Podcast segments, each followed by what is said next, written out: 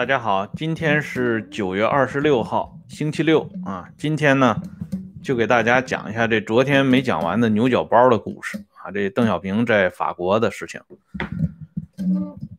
今天的话题呢，涉及到两个层面啊。一个呢是咱们谈一下这个毛泽东啊，对于他这个最顶尖级的最基本的要求，如果你达不到这个要求的话，你就不要再往领袖跟前凑了。啊，领袖肯定也不待见你。那这个要求，说实话，也只有顶尖级亲信能够做到，一般人是做不到的。这邓小平作为毛最顶尖的亲信，人家到幺二九师啊就能看出来了。这个杨国宇那个不是回忆录啊，那是日记啊。当然你叫回忆录也没问题啊，因为日记写的也是当年的那些事儿。那么今天啊，咱们先来说说这法国牛角包是怎么个故事。在邓小平的孩子他的回忆录里边说到，王若飞的儿子王兴跟张鼎丞的女儿张九九两个人结婚。后来呢，王兴就到这个啊，张九九啊，就到这邓小平流放的江西那个地方去看望这老邓。这个时候呢，张九九啊也挺困难的。老邓呢发了慈悲啊，专门呢提出来跟当地的领导干部说，给这个张九九他们这刚生了孩子啊，给他们多弄一点木炭啊，多取取暖，要暖和暖和。这在当时很不容易，而且这个时候呢，大家在七嘴八舌的聊天这江西曾经的这个领导人叫刘俊秀，他就提到啊，他说这个王若飞这个人挺能喝酒啊。有一次呢，我跟他拼酒，我喝了十六杯，比王若飞喝多了，嗯，喝的多。这样呢，邓小平难得插了一回话。啊，邓就说若非不能喝酒，他就是好酒，啊，就是喜欢喝酒，但是他却不能喝酒。这一段啊，非常平民的这个回啊谈话，出现在邓小平女儿的回忆录当中。如果你不联系后边的一些话题，或者不联系在法国勤工俭学的这一段故事，你恐怕不知道。邓为什么会突然提到王若飞这个事情？为什么突然对王若飞的儿媳妇啊大发慈悲？这个故事呢，还要从法国勤工俭学的时候说起。当时周恩来、赵世炎、李维汉、邓小平、王若飞等一系列的啊，后来这个初为中共高层的顶尖级人物的。他们在法国勤工俭学，名义上是勤工俭学，实际上呢是搞这个政治活动。因为那个时候大家都很拮据啊，都很穷，一帮穷学生，没什么钱，所以搞一点好吃的呢都很不容易。那个时候大家最羡慕的就能吃那个法式的牛角包啊，早晨要是能喝一杯牛奶或者喝一杯咖啡，吃两个那个法式牛角包。这个在一天来讲，这是最幸福的时刻。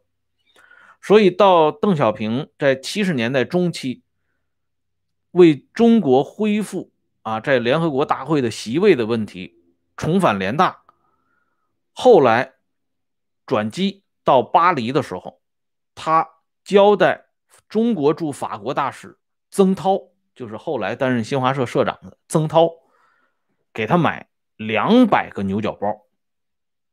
啊，买这两百个牛角包呢，就是不仅仅是念想了啊，他还是要把这些牛角包带回中国去，给当年的那些老朋友们搞一下会餐啊，让大家重温一下当年的那段难忘的岁月。所以曾涛把这件事情呢办得非常好，以至于这法国的面包店的老板呢。都感到很惊讶，因为一下子买几百个牛角包，所以这老板就问了一句：“说你们来了一个营啊，还是来了一个连？啊，这是开个玩笑。”而且曾涛这个人很会来事儿啊，他知道邓小平喜欢喝一杯这个咖啡，啊，这邓这个人的起居呢，啊，有点洋气。他在延安时代，啊，就有很多人回忆说，邓不喝茶，也不喝白开水，他专门喝那个外国的可可粉，啊，就是咱们这个大家都知道啊，那热巧克力啊之类的，都是属于这一类的饮品。他喜欢喝这个。邓的这个习惯跟项英的习惯是一样的，啊，这说明呢，在国外生活过一段时间，所以他喜欢喝那个法国早晨的那个刚做好的那个刚磨好的咖啡。这曾涛呢，就派人用这暖壶去给邓小平打来咖啡，让邓喝个够。哎，邓对曾涛的印象很好啊。后来曾涛退退下来以后，邓还专门说一个。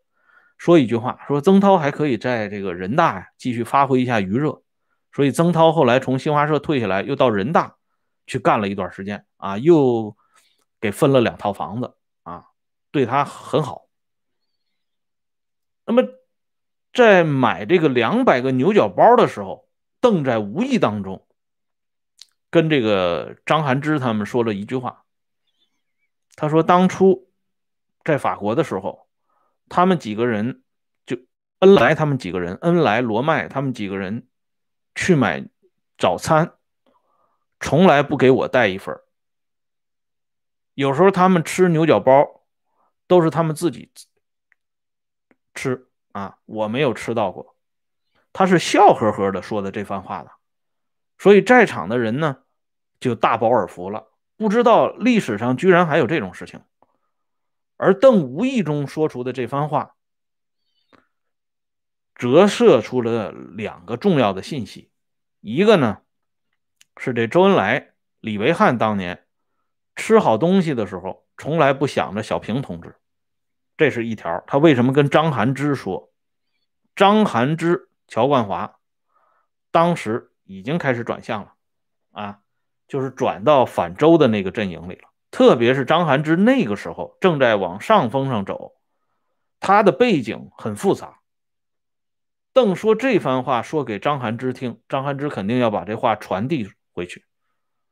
哎，这就表现出邓的一个立场，就是说他跟周不是一回事儿。别看当年在一起，邓是惯于用这种方法向最高当局传递信息的。当初邓刚刚出来的时候，大家看过那个高文谦先生写的《晚年周恩来》里不是讲吗？在批周的时候，邓就说过一句话嘛，说周恩来说的很厉害的，说别人是可望不可及，而你是既可望又可及，啊，你离主席最近。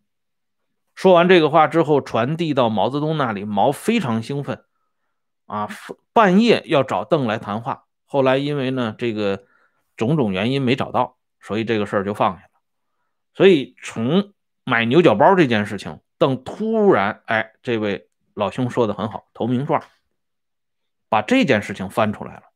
因为当时去联大这个过程，江青他们反对的是很厉害的。邓做这个姿态，反映出邓的这个政治智慧啊，这是盐碱地最特有的这种江湖手段。你玩政治玩不到。邓这个级别，你想不到这个招数，但是邓的这一招，大家知道从谁那儿学的吗？就是从毛那里学的。这就是我说的折射的第二层意思。因为这段话，即便是写到公开史料里边，后人看到的时候，他会产生两层想法。一层呢，就觉得，哎，邓跟周恩来看来不像想象的啊，关系那么好。这居然当年买这好吃的都不带这邓小平，但是从另外一方面呢，你又可以想到邓为什么对着张涵之说呢？这恐怕是为了迷惑对方，啊，就是故意设迷魂阵，这是从这个积极的角度来考虑的。那么邓说这番话的目的也就达到了，让后人对他说的这番话莫名究竟，莫衷一是。这就是他们认为最高超的这个手段，而这个手段，当年在文化大革命的时候，毛泽东当着谢夫治的面就曾经用在邓小平的身上。所以邓这个人为什么聪明啊？他能够做到第二代领导集体的这个头子上面，就是因为他是毛的好学生，他把毛的这些招数都学到了，而且融会贯通，啊，这个现现整现学。这牛角包这个事儿呢，还没完啊！刚才有个朋友说，为什么他，哎，这个咱们这个总理啊，怎么样怎么样？邓接着还有一句话，他说那个时候只有若飞没忘了我，哪怕他有一杯咖啡，他也把我叫醒，给我喝半杯。啊，邓呢对这个王若飞那个时候帮过他，念念不忘。这也就是为什么会出现那么温馨的一幕啊！王若飞的儿媳妇经过邓的这个要求啊，增增加了一些木炭取暖。这对一个坐月子的妇女来讲，也是一个挺让人欢欣鼓舞的事情啊！在那个年代里啊，可以理解。所以咱们说这个，昨天不是讲吗？毛邓爱憎分明啊，好听的说是爱憎分明，其实呢叫记仇。那么接下来我们来看啊，邓记仇记得最厉害的是谁呢？是这位杨国宇杨大人。这个人按说啊，他跟邓小平是四川老乡。我们都知道，邓对四川同乡那是最提携的啊。咱们举一个最简单的例子，巴金老人。啊巴金是中国最长寿的中国作家协会主席，啊，可以说是一直啊干到死，而且最后呢还给巴金安了一个党和国家领导人的位置，全国政协副主席。这个位置在当年鲁、郭、毛、巴老巢、艾丁、赵这九个人当中，啊，现代著名文学家九个领军人物里边，谢谢老弟啊，只有。矛盾，郭沫若享受过这个待遇，党和国家领导人。况且那个年代的全国人大副委员长和全国政协副主席，更多的是摆设，跟巴金那个时代的全国政协副主席那可不一样。巴金时代那个全国政协副主席，在待遇上边已经是相当之好了。而巴金我们都知道，四川人，老邓活着的时候就说过。那巴老要一直当着这个作协主席，对全国全世界都是一个交代，所以巴金一直干到死，而且他的女儿李小林还世袭这个上海《收获》杂志的主编，啊，可是对这位杨国宇这四川老乡，老邓呢就没那么开恩。这杨国宇啊，我跟大家说一下，他资历不浅啊。别看当年到袁熙军，就是援助西路军，叫袁熙军。他到袁熙军的时候，只是红三十一军的一个驿电员。到了幺二九师以后，最高职务做到机要科科长。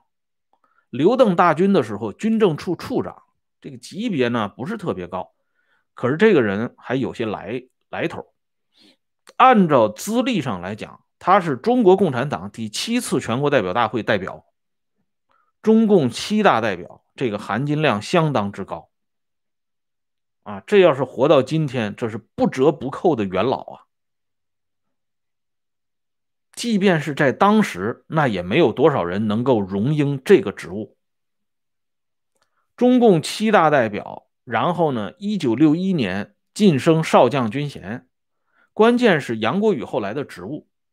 他在文化大革命当中，一九六七年到一九七四年，在六啊这个七年半的时间，对，怎么也得是副国级了。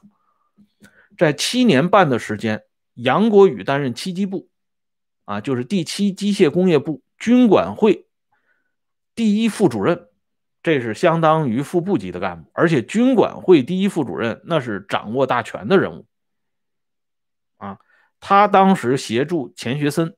一起搞出尖端武器，这个人呢功劳挺大的，谢谢咱们这位朋友啊。可是到了一九七五年三月啊，这杨国宇那个时候还挺高兴的，被派驻到中国驻柬埔寨军事代表团团长，这级别又上一级。到了七五年三月到六月，邓小平复出主抓军队整顿的时候，把杨国宇给弄回来，弄回来安排到什么职务上呢？海军副参谋长。大家想想这落差有多大？这海军副参谋长，海军是正大军区职，参谋长呢是副大军区职，那副参谋长撑死了就是正军职。啊，所以你看，这杨大人被邓大人就给弄回海军，然后后来给提的海军参谋长、海军副司令员兼参谋长。可是到了一九八二年，作为海军常务副司令的杨国宇，眼看着就要接海军司令的时候，邓大人呢，把这刘华清从外边啊给弄过来，让刘华清接海军司令员。这杨国宇杨大人再一次的与海军司令擦肩而过。说实话啊，这杨国宇当年在苏振华那件事情上还帮助过邓小平，所以大家看这个杨国宇这个人啊，他传世的有这么三本书，呃，一个呢是这个日记，还有一个呢是刘伯承用兵要旨。还有一个是刘伯承的军事生涯。他虽然啊，杨国宇在邓小平身后，他说在刘邓大军这个阵营中工作是他一生最大的荣幸和荣耀。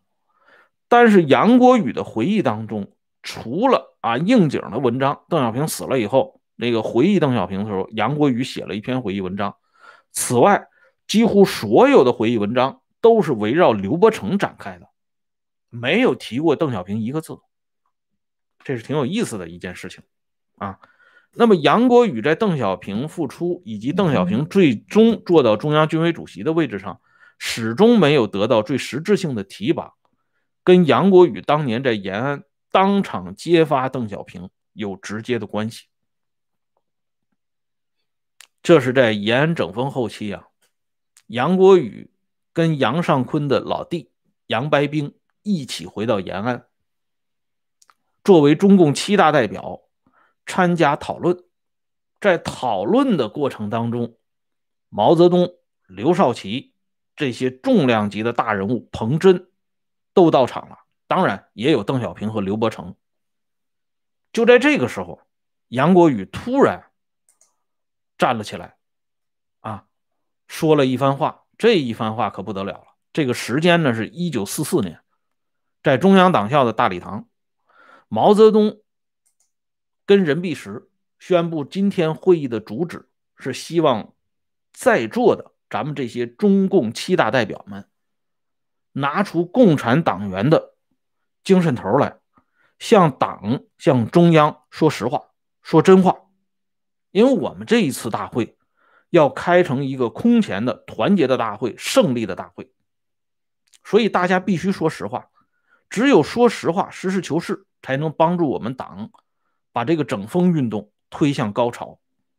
啊，说的这番话呀，非常激激励和鼓舞大家。这杨国宇就是受到这激励和鼓舞啊，噌一下子就站起来了，然后他就开始说真话了。他说这真话，这邓小平就坐不住了。他说什么呢？杨国宇，比如说在。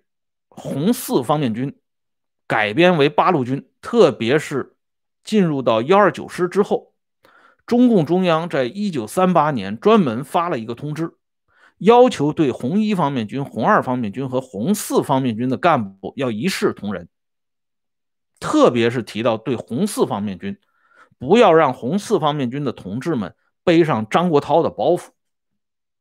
可是。幺二零师和幺幺五师都传达了，只有咱们幺二九师没有传达。这个通知被压下来了。这杨国宇就当场揭发了这么一个事情。这事情一旦揭发出来，这现场的气氛异常尴尬。主持这个说真话、说实话大会的是刘少奇和任弼时，这哥俩拿眼睛望一望。刘伯承和邓小平，他们俩没说话，没法说话啊，怎么说呀？因为毛泽东还在那里呢，所以呢，这哥俩又拿眼睛望了望毛泽东。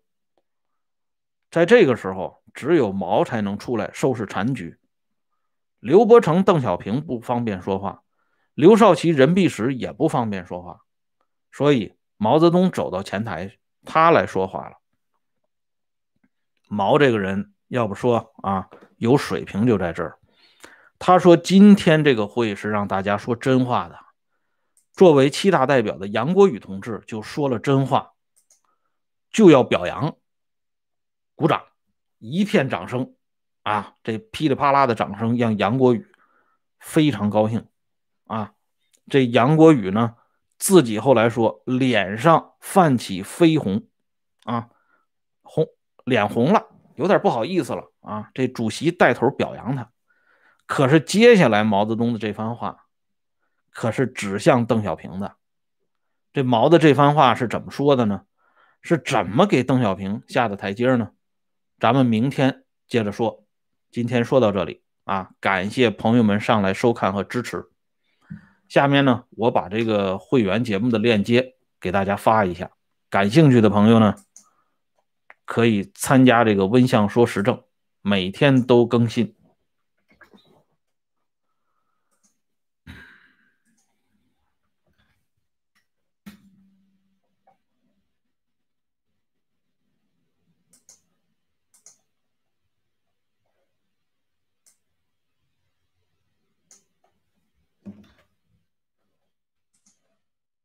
啊，感谢咱们这位朋友啊！